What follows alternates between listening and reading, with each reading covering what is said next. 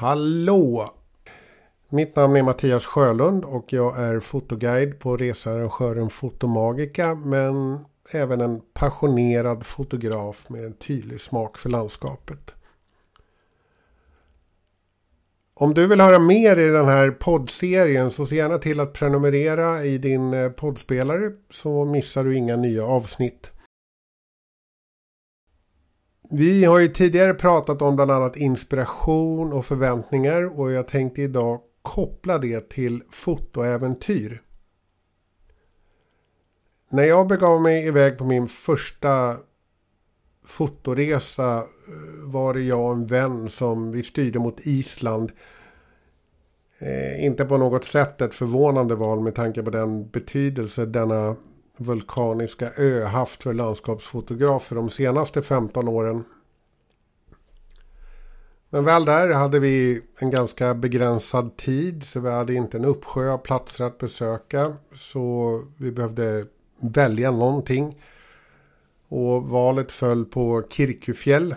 Inte heller det kanske speciellt förvånande eh, kan jag tillägga. Eh, ni som vet, ni vet. För alla andra så är Kirkufjäll en av de mest fotograferade platserna på Island. Och känns väl enklast igen på sin karaktäristiska look som närmast liknar Gandalfs slok, eh, slokhatt. Vi körde och körde en liten fyrhjulsdriven Fiat Panda genom det isländska landskapet. Ön är ju så mycket större än man kanske först föreställer sig och vi nådde till sist vårt mål med en timmes god marginal till solnedgång.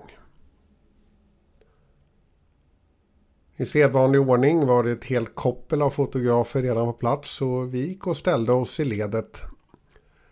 Samtliga hade vi nog ett tydligt mål, en episk solnedgång. Men jag behöver såklart inte förklara att den uteblev med råge. Men eh, jag och min vän vi stod där ett par timmar tills det blev mörkt och Eh, då var det bara vi kvar. Jag kommer ihåg att jag till min vän i bilen på vägen dit nämnt att detta med tidvatten det är en viktig faktor på Island och något vi svenskar inte alltid tänker på. Och när det väl var dags att gå tillbaka till bilen så var stigen borta. Den hade bytts ut mot en mindre sjö och min visdom till trots så fick jag nu vada i iskallt atlantvatten upp till knäna en bra bit innan vi kunde gå upp på vägvallen och till sist nå tryggheten i vår lilla Fiat.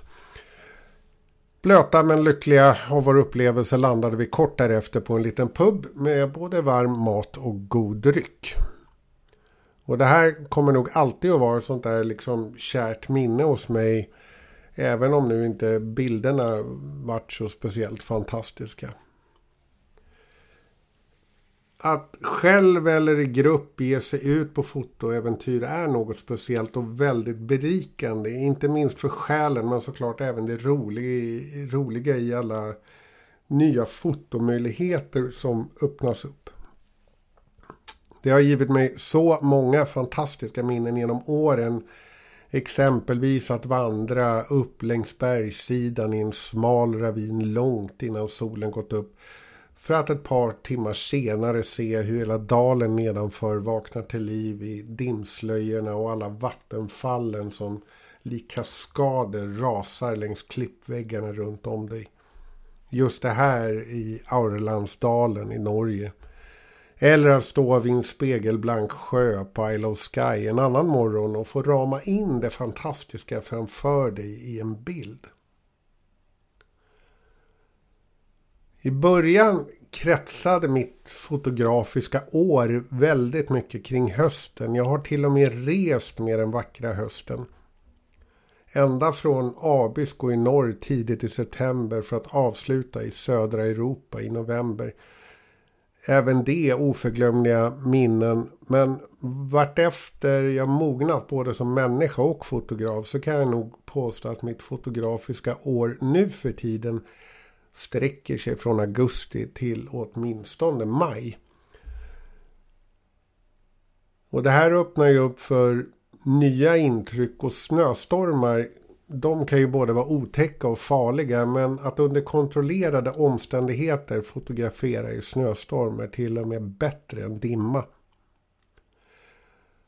För medan dimman kan ligga still i timmar så rör sig intensiteten i en snöstorm hela tiden och skiftningarna är både snabba och många vilket gör det exceptionellt roligt att jobba med. Jag har upplevt många minnesvärda snöstormar både lokalt här i Uppsala med fantastiskt isolerade gamla äppelträd som motiv till att knappt komma hem från en storm uppe på Lofoten. Extremer i vädret ger ofta väldigt vackra och fascinerande bilder. Och få gånger är det så vackert som precis innan eller direkt efter ett oväder dragit förbi. Det kan du gärna ha i bakhuvudet nästa gång du kollar väderappen. Något jag för övrigt hoppas att du gör frekvent för hur ska man annars veta om det är fotomässigt väder på gång? En annan grej med äventyr är ju att skriva en önskelista, en slags bucket list på ställen man vill hinna uppleva på min egen finns det både nationella och globala resmål. Somliga får jag spara tills mina barn är stora nog att ta hand om sig själva. Andra betar jag ibland av. Listan i sig växer konstant vartefter jag hittar något intressant.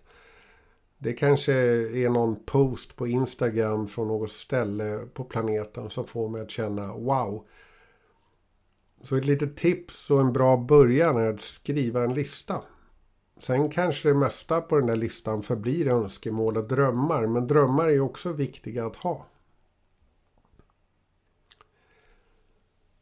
Jag och många med mig har jag märkt gillar att ha något i framtiden också att se fram emot. Det kanske är något som ligger ett helt år bort. Men det är ett slags mål, en händelse att verkligen se fram emot. I synnerhet när vardagen kanske är lite osedvanligt tung någon gång. Och det behöver ju sannoliken inte vara något kostnadsmässigt spektakulärt. Det kan ju kanske räcka med en tur till något närliggande som exempelvis en höstig helg på Fulefjället. Eller något annat som ligger bättre inom räckhåll för dig. Men det är viktigt att det är något som exalterar dig för att det ska nå sin fulla potential.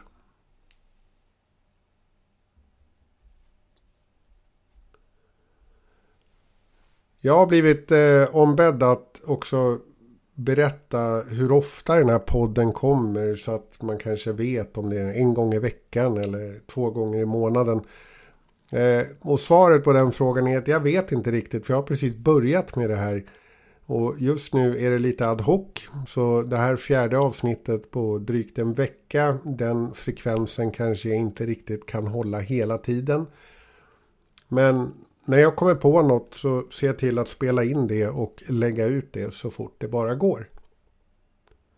Tack för att du har lyssnat.